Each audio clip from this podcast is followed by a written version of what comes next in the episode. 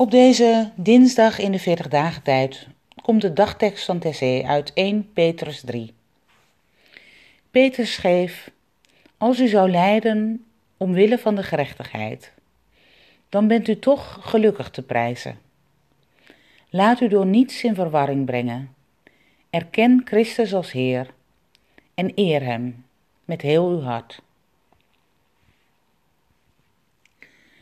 Bij mensen wilt gij wonen.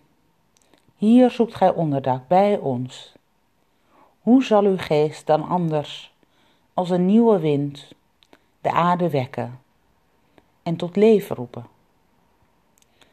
Maak ons dan, bidden wij, uw heiligdom, een huis van levende stenen, die schouder aan schouder pal staan voor vrede, die samen bewaren gerechtigheid.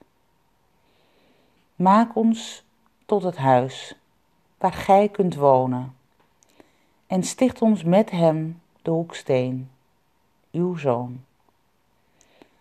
Behoed en bewaar ons deze nacht